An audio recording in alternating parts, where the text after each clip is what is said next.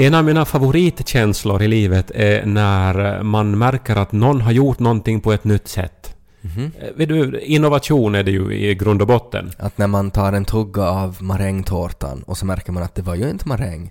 Det var ju otroligt vispat sån här vaniljkräm Ja. istället. Och så tänker man att nu har de nog gjort det på ett nytt sätt. Det handlar ju mer om överraskning då, att man trodde Ja, att men någonting var... inte, är det inte det vi pratar om? Nej men att vet du, det finns ju konventioner för allting. Hur, hur ser en bulle ut? Ja, Ja, okej. Nu är det ju en överraskning när någon gör någonting på ett nytt sätt. Nej men jag tänkte att, vet du, den här semmelwrappen tyckte jag var en sån grej, fast den är väldigt uttjatad som exempel. Ja, Men att alla har ju ätit semlor hela livet, men Mm. någon förstod att det går att göra det på ett annat sätt. i fjol så var det ju semmel uh, nachos. Va? Det låter ju otroligt eh, oätbart. Alltså det ju, måste ju vara jättegott. Nu har jag inte ätit det men alltså att man gjorde såna här... Alltså krispiga. Nej, inte alltså krispiga, men att man gjorde så här små trianglar av, av bulladeg och så dippar man det då i mandelmassa och grädde. Ah, s- precis. eh. Mm. Och Nu- det, det skulle vara en jättestor överraskning när man beställer en, en bulla och så får man istället en liten mexikansk korg. Ja, ja, men jag älskar det där, alltså Ja. det där äh, tänkesättet. Mm. Samtidigt så kan det också kanske bli lite slentrian då i att, eh, vet du, att man hittar på nya idéer genom att då medvetet Alltså för att någon hade ju ändå hittat på att det går att göra semla på olika sätt och så var någon annan bara "Nå, men vad finns det för olika sätt? Nachos. Mm. Men och så var det nog ännu en bra idé men i något skede så, så blir det lite fånigt också. Jag tycker, alltså det där är ju intressant för att det är ju, oftast är det ju så att det är den som kommer på den här idén. Det är ju inte de som liksom får på något sätt den här äran och berömmelse, utan det är ju de som sen eh, tar den här idén men bygger vidare på den. Det är ju de som på något sätt eh, cashar in på det. Ja, det finns säkert otroligt bra exempel här. Nej men säkert finns det, jag tänker inom konstvärlden, så det är någon som inser att ja men så här kan man ju också rita. Och så ritar man någonting. Och så är det sådär att ja, det där var ju ett helt nytt sätt men att det var ju inte så bra. Och så kommer det någon som är bättre på att rita men som utgår från det där, den där ursprungsidén. Och ritar sen jätte, jättebra men på det där nya sättet. Precis. Mm. Och så utvecklas mänskligheten och kulturen. Exakt. Fantastiskt. Ja. Eh, Jag nu då kom att tänka på det här när jag läste en deckare av den svenska författaren Niklas Natt och Dag. Niklas Natt och Dag. Heter han så? Natt och Dag, i tre ord. att, att när han är och väntar att fara till doktorn så kommer doktorn fram och säger natt och dag. och så säger han ja. Ja, och, och han är tydligen nu då är det här en svensk skribent. Han har varit chefredaktör bland annat för Slits. Är han gift med fröken Ur? så, natt och dag och ur står det på, på dörren. Men, men, men att jag blev ju förstås, alltså jag reagerar ju på det här eft- efternamnet. Och, Ja, förstås. jag, jag har ju ett, i den här podden väldokumenterat trauma för namn för att jag, Mm. jag har alltid haft problem med mitt efternamn Ja. och, och, och så vidare. Ja. Eh, Men natt och dag är ju på något vis, då har man ju skrivit om reglerna. Ja. Eh, Men sen så googlade jag det här och det visar sig att det här är alltså en uråldrig adelssläkt. Så det har funnits alltså Sir natt och dag. Sen 1200-talet. Ja. Och eh, det här är ju ett fantastiskt namn, men det här skriver ju också om reglerna. Alltså nu har det ju skrivits om då redan på 1200-talet, men jag har inte varit medveten om det. Men det där, det där måste ju vara, alltså det måste ju finnas någon spännande historia med det här. Alltså det är någon som har hett alltså uh, herr Natt och tycker då på något sätt att jag menar att det där är ju inte, det där är ju inte så fint. Och så har han då döpt om sig till Natt och Dag för att efter regn kommer solsken, tänker han. Jag minns bara en intervju av en britt som hette Slaughter i efternamn. Och så sa han att, att well, you can't spell slaughter without laughter. och där har han ju försökt hitta, hitta det här fina, positiva i sitt efternamn. Och det där kanske är också en variant av det. Men Slaughter är väl inte liksom... Nå, alltså- slakt, herr slakt. Ja, men alltså det, det låter ju vet du, historiskt och som att det har vet du, Ja, men du kan ju- styrka i sig Ja, men du kan ju inte vara dagisföreståndare och heta tant slakt. I och för sig, eh, ja, men... men jag, jag älskar såna här oväntade namn. Mm. Och som just, vet du, jag vet, eller vi har en bekant som heter Oförsagd i efternamn. Och det är ju- Oförsagd. Ja, och det är ju ett inhemskt, antar jag, ett sånt här soldatnamn, för de hette ju ofta någonting, vet du, som en egenskap, att man var Mm. tapper eller fager eller, eller snygg Men vad, vad betyder oförsagd? Oförsagd betyder ju alltså motsatsen till, till blyg. Alltså att man, man... Om man är försagd är man blyg, är man oförsagd så, så Alltså vågar man, är- prata för sig. Man, okej, för det låter ju som att han är lite sådär att han tafsar på alla. nej, nej, nej, Att han, då han du var verkligen inte oförsagd. Ja, nej, det betyder att man, att man kan tala för sig. Men, Okej. men, men att just liksom insikten vad det finns för potential där ute. Och nu Mm. då ännu till natt och dag. Man man kan ha flera ord i sitt efternamn. Mm. Och, och liksom det här, upp, det här skriver om reglerna för mig. Hur, Ja, men hur skriver han det där natt och dag? Alltså, tre ord. Med mellanslag? Ja, Natt och dag? ja. Okej. Och, och det är ju fantastiskt. Men att, jag menar, jag du då som har letat efter alternativa namn, jag har en pseudonym, Kai Mm. Erik, när mina böcker ges ut uh, på andra språk. Mm. Uh, och sen in, har ju jag och Nico pratat om att sen då, uh, om det blir så att vi tar ett gemensamt efternamn någon dag, Mm. Uh, ska vi ta mitt eller hans? Vi vill inte ha varandras efternamn för de är, hans efternamn är ännu mer invecklat än mitt. Och, och uh, då ska man ju kunna ta någonting nytt kanske. Mm. Och så har man ju lekt med olika förslag, inget som har känts oss ännu Nej, har nej. hittat. Men där skulle ni ju kunna ha alltså, om man tänker sådär att, att med tanke på att ni ska gifta er och, och, och om ni då vill ha just så här kombinerade namn, så då kan ni ju liksom tänka ut en, en mening. Exakt, alltså nu har, alltså plötsligt är fältet öppet för nya idéer här. Mm. Ja. Det kan heta Gin och Tonic. Kai Gin och Tonic. Det skulle, jag skulle köpa den boken.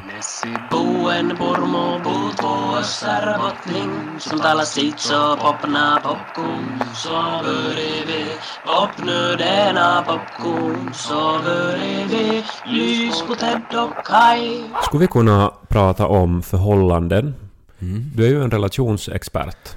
Jag skulle inte säga att jag är expert, men jag har ju haft relationer. Du hade ju en relation långt innan jag hade relationer. Och, och Nu du- låter det ju som att jag inte har en relation just nu och det, det har jag ju. Ja, det har du också. Mm. Och det, här, det har ju jag också. Men jag menar att du har en längre erfarenhet Så av relationer. Definitivt. Och flera olika också. Din slampa. Mm.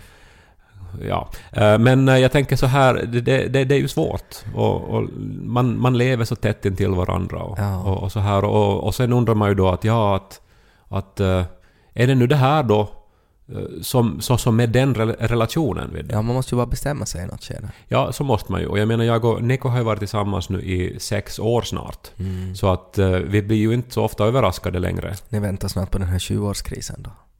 Ja, den har jag hört talas om, ja. Men Mm. den känns så här, vet du, lite som en alla hjärtans du, att det är som marknaden som har skapat den för att sälja resor och, Mm.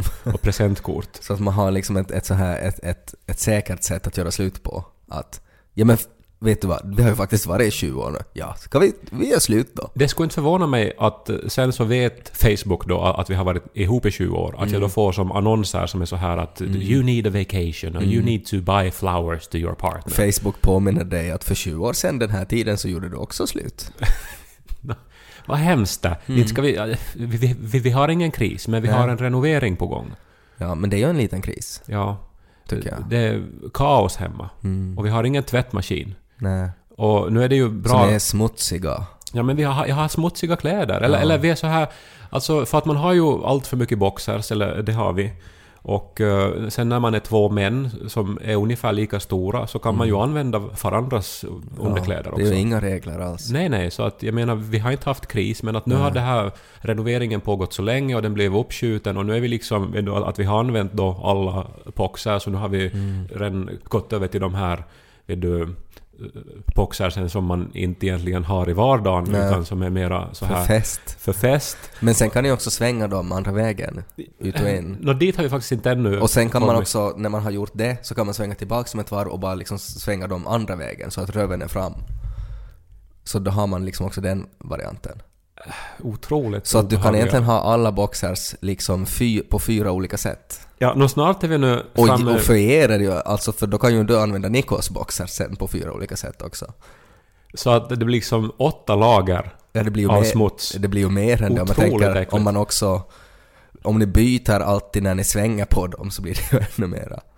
Nå, vi är nu nere framme vid de här panikboxersen, vet du, de som man, alltså att när man är på resa och inser Mm. att man har glömt att ta med sig underkläder och sen så Ja. f- åker man då till en liten kvartersaffär och köper det som finns där bara för att ha någonting. Och sen så har det här nu då bara sparats där i byrån. Los tricos panicos. Ja, Men hur gör ni då? För det här tycker jag är intressant alltså. Med tanke på då att ni båda två använder samma sorts underkläder. Att hur är det då om ni är då till exempel på resa och så märker ni att, att shit vilken mexikansk buffé det här var. Att nu, nu måste vi nog ha nya underkläder. Och så finns det bara ett par. Vem, vem är det då som får dem? Nej, men det här har ju aldrig hänt alltså. alltså nu, Men om du tänker att om det här skulle hända, jag menar det, det kan ju faktiskt hända att det händer nu eftersom ni inte har möjligheter att tvätta. Att vem skulle få dem där? Nej, men jag antar att en bara då skulle vara kvar i sina vanliga... Eller att den inte skulle byta då. Och den Nej, nej, men om, om ni båda två, ni båda två är i starkt behov av att byta Alltså, vi har, och ni har ett par, Alltså, hur att vi har bestämmer gjort ni? på oss på något sätt.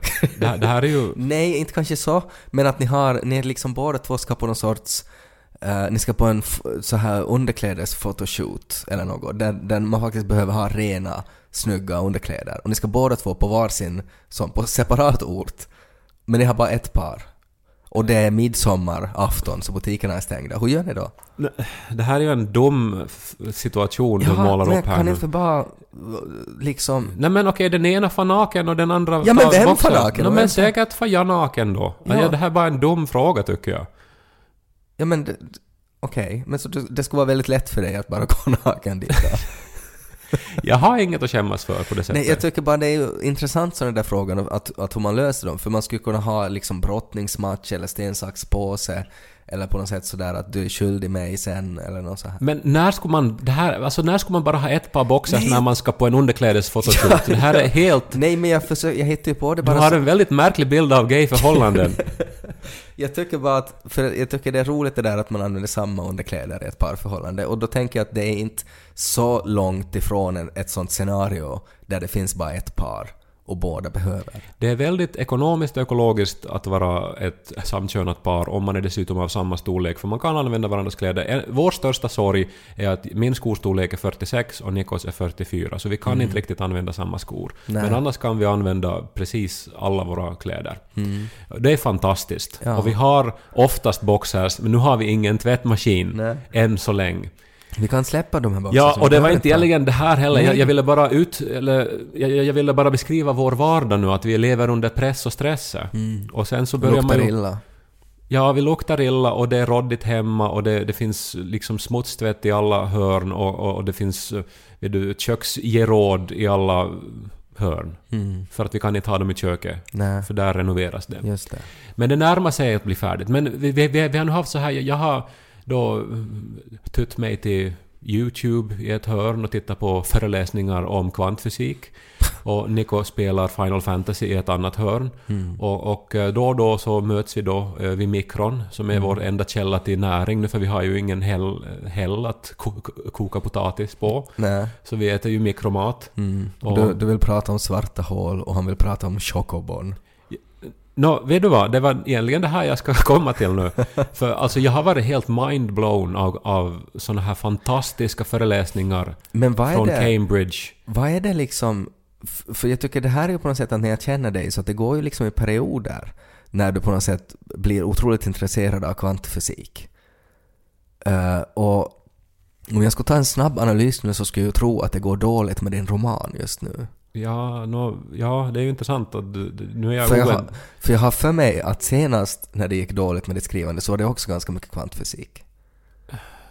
Det här är ju intressant. Nu hade jag inte alls tänkt prata om det här, men, eh, men eh, det går ju dåligt med romanen just nu. Ja. Och jag har haft en, en kvantfysikperiod. Men det Ja. kan ju... Alltså så funkar ju inte vetenskap att, vet du, att A Nej, korrelerar automatiskt med B. Nej, men om så du, är det ju. Men om det, om det är liksom att det är någonting, jag menar, inte vet jag om det känns som att, att ditt skrivande är ett svart hål och så på något sätt börjar du googla det. Ja, alltså, men alltså det eskalerar ju. Jag har ett inneboende intresse för fysik, men ibland då om jag hittar, alltså bara stöter på någonting otroligt intressant så sen börjar jag klicka mig vidare och så blir jag liksom fast i det på något sätt. Ja. Och sen så finns det ju faktiskt otroligt bra vetenskapskanaler på YouTube.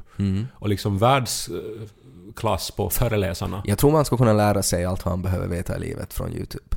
Nå, men sä- säkert finns precis allt. Ja. Alltså säkert finns Ja, en ja. hel magistersutbildning i nästan alla utbildningar. Och så finns det ju alla, alla möjliga liksom hobbyn och intressen och grejer som man kan bygga, som man kan tänka sig, så finns det liksom en, en extrem variant av som heter något så här Naked and Afraid, uh, Building a, a Tent.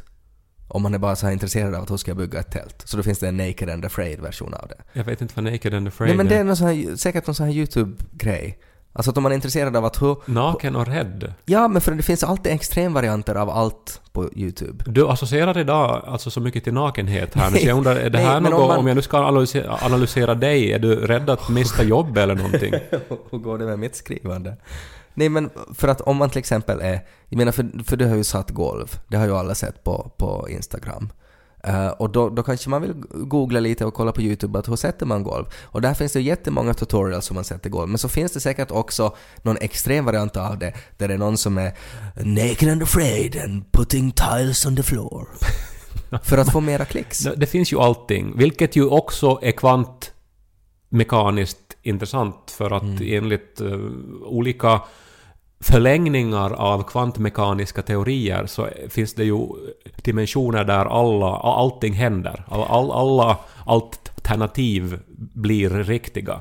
Är det på något sätt det du är ute efter, alltså en dimension där det går bra för ditt romanskrivande? Jag har nu då bara, alltså, och det är ju också hemskt att jag har ju då läst fysik i gymnasiet, men jag har inget minne av att vi riktigt pratar något mycket om kvantfysik. Eh, Fast det är ju teorier som har existerat liksom så, så länge vi har levat och, och ännu längre. Men det är ju kanske lite sådär att när man tänker på vad man behöver lära sig i grundskolan och sådär så är ju inte kvantfysik någonting. Jag menar du kan leva hela ditt liv utan att veta någonting om kvantfysik. Men känner du till kvantfält? Nej, inte, inte egentligen. Alltså vad, vad den senaste vetenskapliga teorin bevisad på otroligt många olika sätt säger om själva verkligheten. Nej, det enda jag eh, egentligen väntar på är ju att de ska kunna utnyttja det till en motor. Ja, och dit är vi antagligen också på väg. Ja, och då, Men- då tycker jag, och jag hoppas ju att Elon Musk kommer att göra det. Men att man har såna här alldeles mindblowing teorier om själva verkligheten som man också har kunnat bevisa. Så liksom har jag faktiskt inte kanske riktigt förstått. Alltså att verkligheten består endast av fält. Jag vill bara sätta in som en parentes, jag tycker det är lite roligt att du kommer hit eh, liksom smutsig, håret står åt alla håll, du har på dig Nikos boxers, du, ser, du har inte ätit någon mat, du har inte kunnat tvätta något och så vill du prata om kvantfält. Ja, men alltså, bear with me now. Ja. Alltså, och nu har vi säkert hemskt många lyssnare. Vi, vi har ju lyssnare som studerar partikelfysik också, för de har hört av sig Mm. kommer tidigare när jag har flummat någonting. Ja. Och de kommer att bli arga nu för att jag eh, förklarar det här så dåligt. Mm. Men alltså, vi har ju i skolan lärt oss att det finns atomer som består av elektroner och protoner och neu neutroner. Mm. Och eh, sen har det ju visat sig då att så enkelt är det inte, att Nej. Mm. protonerna består av kvarkar och så här. Och det här är ju alltså byggstenarna till allting. Till Ja. din kropp, till stenar, till stora byggnader och, Ja. planeter och solar och, och så vidare. Ja. Eh, Men enligt kvantfältsteorin så är ju pa- partiklarna, alla elektroner, alla kvarkar är bara vibrationer i fält. Mm. Så alltså det existerar som man nu vet då 12 partikelfält. Mm. Som alltså finns i varje punkt i hela universum. Och där de vibrerar så uppstår en elektron eller en kvark eller en boson. Och att det här är allt som finns. Så semmelnachos är egentligen vibrationer. Semmelnachos är bara vibrationer. Så när hon sjunger du ger mig bra vibrationer så är det liksom, så kan det vara vad som helst hon får. Nå, Det finns hur mycket som helst att eh, gå in på här, men nu är det ju otroligt den här tanken på att du och jag och allt vi ser är bara vibrationer i fält som finns i hela universum. Men, vad är, men för det är ju precis lika på något sätt sådär eh, svårt att, att förstå som att man skulle säga att allt består av kvarkar. Att du, båda två är ju på något sätt så här nonsens Nej men det här är ju alltså svaret på att vad är kvarkarna? Ja, Alltså för att vi, vi, vi har ju vetat ända sedan högstadiet att det finns kvarkar inuti protonerna, inuti atomerna. ja, Men att nu vet vi vad kvarkar är. att de är vibrationer. De är vibrationer Ja. i fält. Mm. Nåjo, eh, det här får ju förstås långtgående konsekvenser då för hur vi ser på, på verkligheten. Mm. Men alltså, när jag då inser det här... Får jag bara sätta in en liten så här som jag nu börjar fundera på. Att skulle vi då kunna göra... Alltså skulle man kunna göra saker av vibrationer i luften? Alltså skulle man kunna uppfinna ett instrument som skulle spela ut mat? Spela ut mat. Alltså att, att vi skulle kunna tillverka någonting om, om allt består av vibrationer. Och, och ljudvågor är ju också vibrationer i luften. Så skulle man kunna uppfinna någonting då som typ ett stränginstrument. Och när man liksom drar då en not så skulle det uppstå någonting ur luften. Ja, no, alltså du skulle vilja trolla fram någonting. Ja. Eh, det, det, det är väl kanske möjligt. Ja, eh, Eftersom det, Okej. man skulle eventuellt på, yes. på Du säger att det är något möjligt. kvantmekaniskt sätt Japp. kunna få Man fälten att vibrera som man Ja, vill. jag skulle kunna ha en, en vevlira och spela ut en påse chips. Ja, Så- Svaret är ja alltså. Men eh, nu försöker du säkert vara lustig här då. för att det jag- här är Ted och Jag Kai-podden. försöker inte vara lustig, jag, jag försöker... Men nu skulle man ju, när man får veta, alltså att du, di, di, di, du, du är samma vibration som jag. Och samma vibration Nå, som inte jag helt, alla inte jag människor. helt samma vibration och som alla dig. kärnor. Och så vidare. Ja. Ja, nå, men hur som helst då. När jag då eh, är helt hög på min nyfunna vaga kunskap införskaffad genom att titta på några timmar föreläsningar på YouTube. Där du sitter som Gollum i ett, så här renoveringshörn. Och sen möter Niko, som då eh, är den enda som finns där att, prata med, och säger det här. När han inte reagerar så som han borde göra, så får jag nästan en sån här kris. Hur reagerar han då? När han sa att ja, no, men vad ska man använda det där till då? Eller han var väldigt kall och pragmatisk. No, det är ju ett svårt... Alltså det är ju en svår situation att på något sätt sätta sig in på för att det där är någonting som har byggts fram liksom för, för det är ju säkert en 10-20 aha-upplevelser som liksom resultatet av 10-20 YouTube-föreläsningar som har lett dig till den här statusen som du nu har vad gäller kvantfält. Jag vill alltså rekommendera alla lyssnare att uh, slå upp Quantum Field Theory på YouTube och titta på en massa intressanta saker. Eh, men precis så är det ju att, eh, att vi var ju förstås i olika eh, nivåer av uppspelthet. Ja, och då är det, det är liksom svårt att på något sätt... Nej men när jag ägnar då sen kanske en kvart åt att förklara för Nico då hur fantastiskt det här är och att vetenskapen har alltså bevisat det här, att de här fälten existerar. Ja, frågar du av honom? Experiment har bevisat att de Ja. existerar. Frågar du av honom om, eh, om han, han är intresserad av att höra det här just nu? Nej, Du bara börjar prata? jag börjar prata. Det, är väl, det är ett förhållande till för. Inte ska Ja. man ha lov för att kunna säga Nej, vad men som är viktigt. exempel, jag menar om jag skulle säga i mitt förhållande till exempel, att om jag är, håller på och läser skönlitteratur och jag är liksom fast i min bok och läser någonting spännande och så ligger jag i sängen, kanske bredvid Janika, som lyssnar på en podd och så, så, så liksom frustar hon till i ett skratt för att det är så skojigt och så pausar hon podden och så vill hon liksom berätta vad som var så kul och liksom dra hela den historien. Och så bara börjar hon prata. Medan jag läser.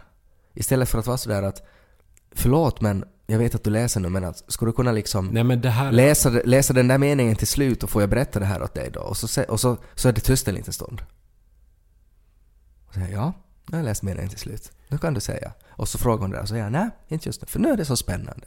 Nu håller den här typen på att dö. Så nu vill jag läsa det här klart.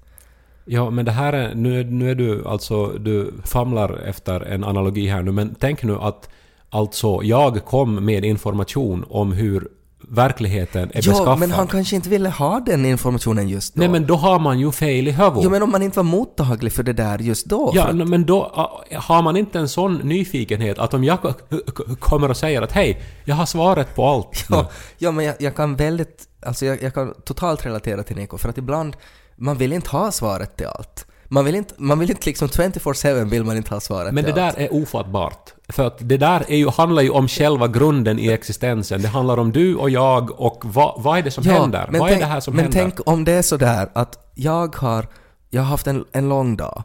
Det jag har sett fram emot är att äta knäckebröd med saltgurka på och lite leverpastej. Och när jag kommer hem så då, då ska jag ta det där dyra knäckebrödet, jag ska sätta leverpastej, jag ska sätta en saltgurka och jag ska äta det där. Och så kommer jag hem, tar av mig mina kläder, tar fram knäckebröd, tar fram leverpastejen, börjar hacka upp saltgurkan. Och så kommer Jesus och 30 änglar ner från himlen. Och så säger han Ted, kampen mot djävulen börjar nu! Så då ska jag säga, men Jesus, nu har jag sett fram emot det här knäckebrödet med den här saltgurkan och leverpastej hela satans dagen.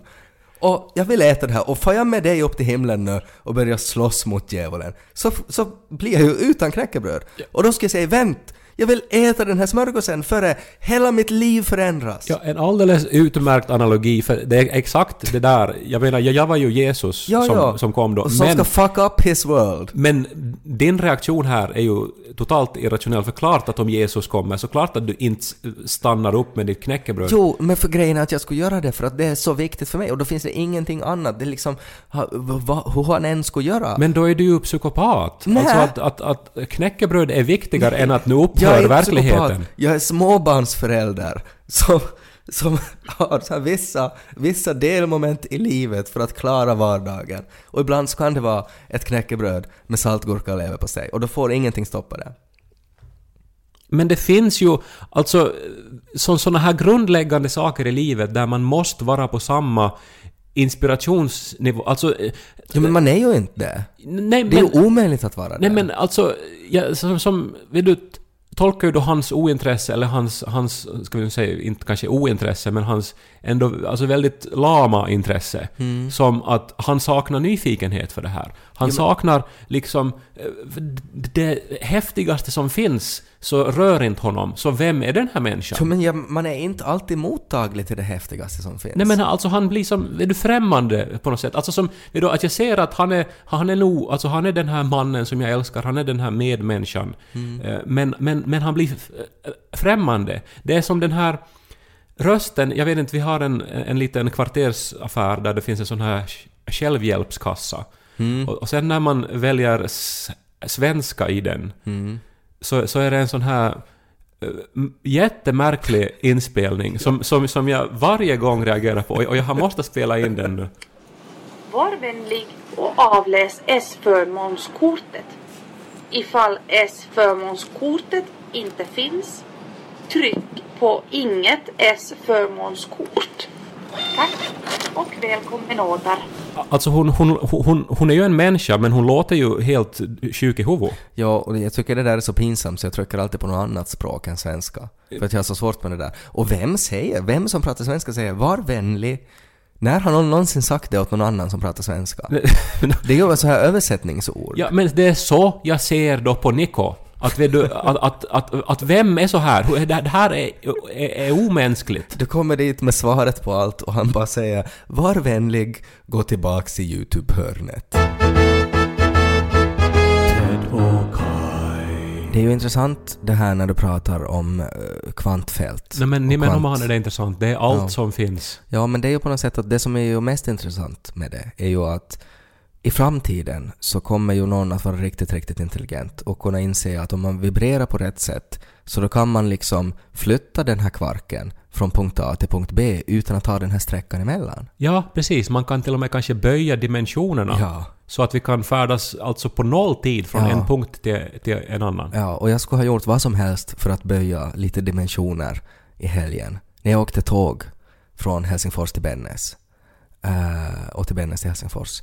Och det har ju aldrig varit trevligt att åka tåg, men det har ju blivit mycket värre. För att de har ju allt för få tåg som åker den där sträckan. Så det är ju det är boskapstransport. Ja, men det går ju allt snabbare nu för tiden också. En timme har de fått ner restiden med på tio år. Mm. Ja, Fantastiskt. Men, men grejen är ju den att tiden går ju fort när man har roligt. Eh, och, och, och när man åker tåg så är det ju inte skojigt. Och Lo är ju inne i en sån här period nu som vi kallar till hejsan hoppsan-perioden. Där han tycker väldigt mycket om den här visan Hejsan hoppsan faller allra När julen kommer ska varenda unge vara glad. Och det där är ju en, en sån här en, en klämkäck julsång. Fast den har också hemska eh, delar i sig. Det finns ju att mamma mus pekar på fällan och säger akta er för den. Och då vet man ju att det finns ju alltså en råttfälla i samma rum där barnen leker. Och det kommer ju ofrånkomligt kommer ju något musbarn att få ryggen knäckt. Och det Mm. Ja. sprutar tarmar ur det här Ja. barnets anal. Men jag kan relatera till, till mamma mus där. Eh, att ibland så kanske man tycker det skulle vara helt fint att det skulle vara en liten råttfälla som man lite knuffar, knuffar ena ungen dit. Och, Vad hemskt! Nej, men så, alltså, så där blir det ju när man åker tåg. Och eh, alltså, jag tror jag måste illustrera det här med ett ljudklipp. Och nu vill jag poängtera att det här var under en ganska så här lugn eh, session i, i lekvagnen i det här tåget. För att nu var det så lugnt att jag kunde ta fram telefonen eh, och klicka på rekord. Eh, och eh, ja, vi lyssnar hur det lät.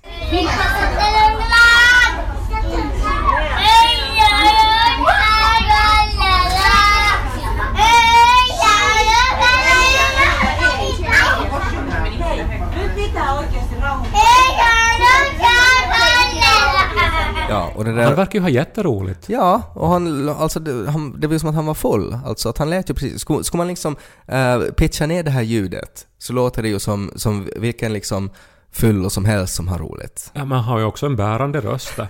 Och tänk nu, vet du att det där är bara vibrationer i kvantfält som har samlat sig till en levande varelse som dessutom har lärt... Vibrationerna har lärt sig att manipulera luften så att det uppstår ljudvibrationer. Det är ju helt fantastiskt. Så är det, och han har lärt sig manipulera de här vibrationerna just på den frekvensen så att det ska liksom faktiskt liksom bokstavligen komma smärta i hjärnan när man hör det. Och man såg ju, alla föräldrarna i den här vagnen såg ju ut som såna här Nina Hemmingsson seriefigurer. Alltså att någon har liksom hackat ut ögonen så att det bara... Ingen själ kvar. Nej, att det, det är liksom att där, där har det varit målat men att det är liksom bortsuddat det.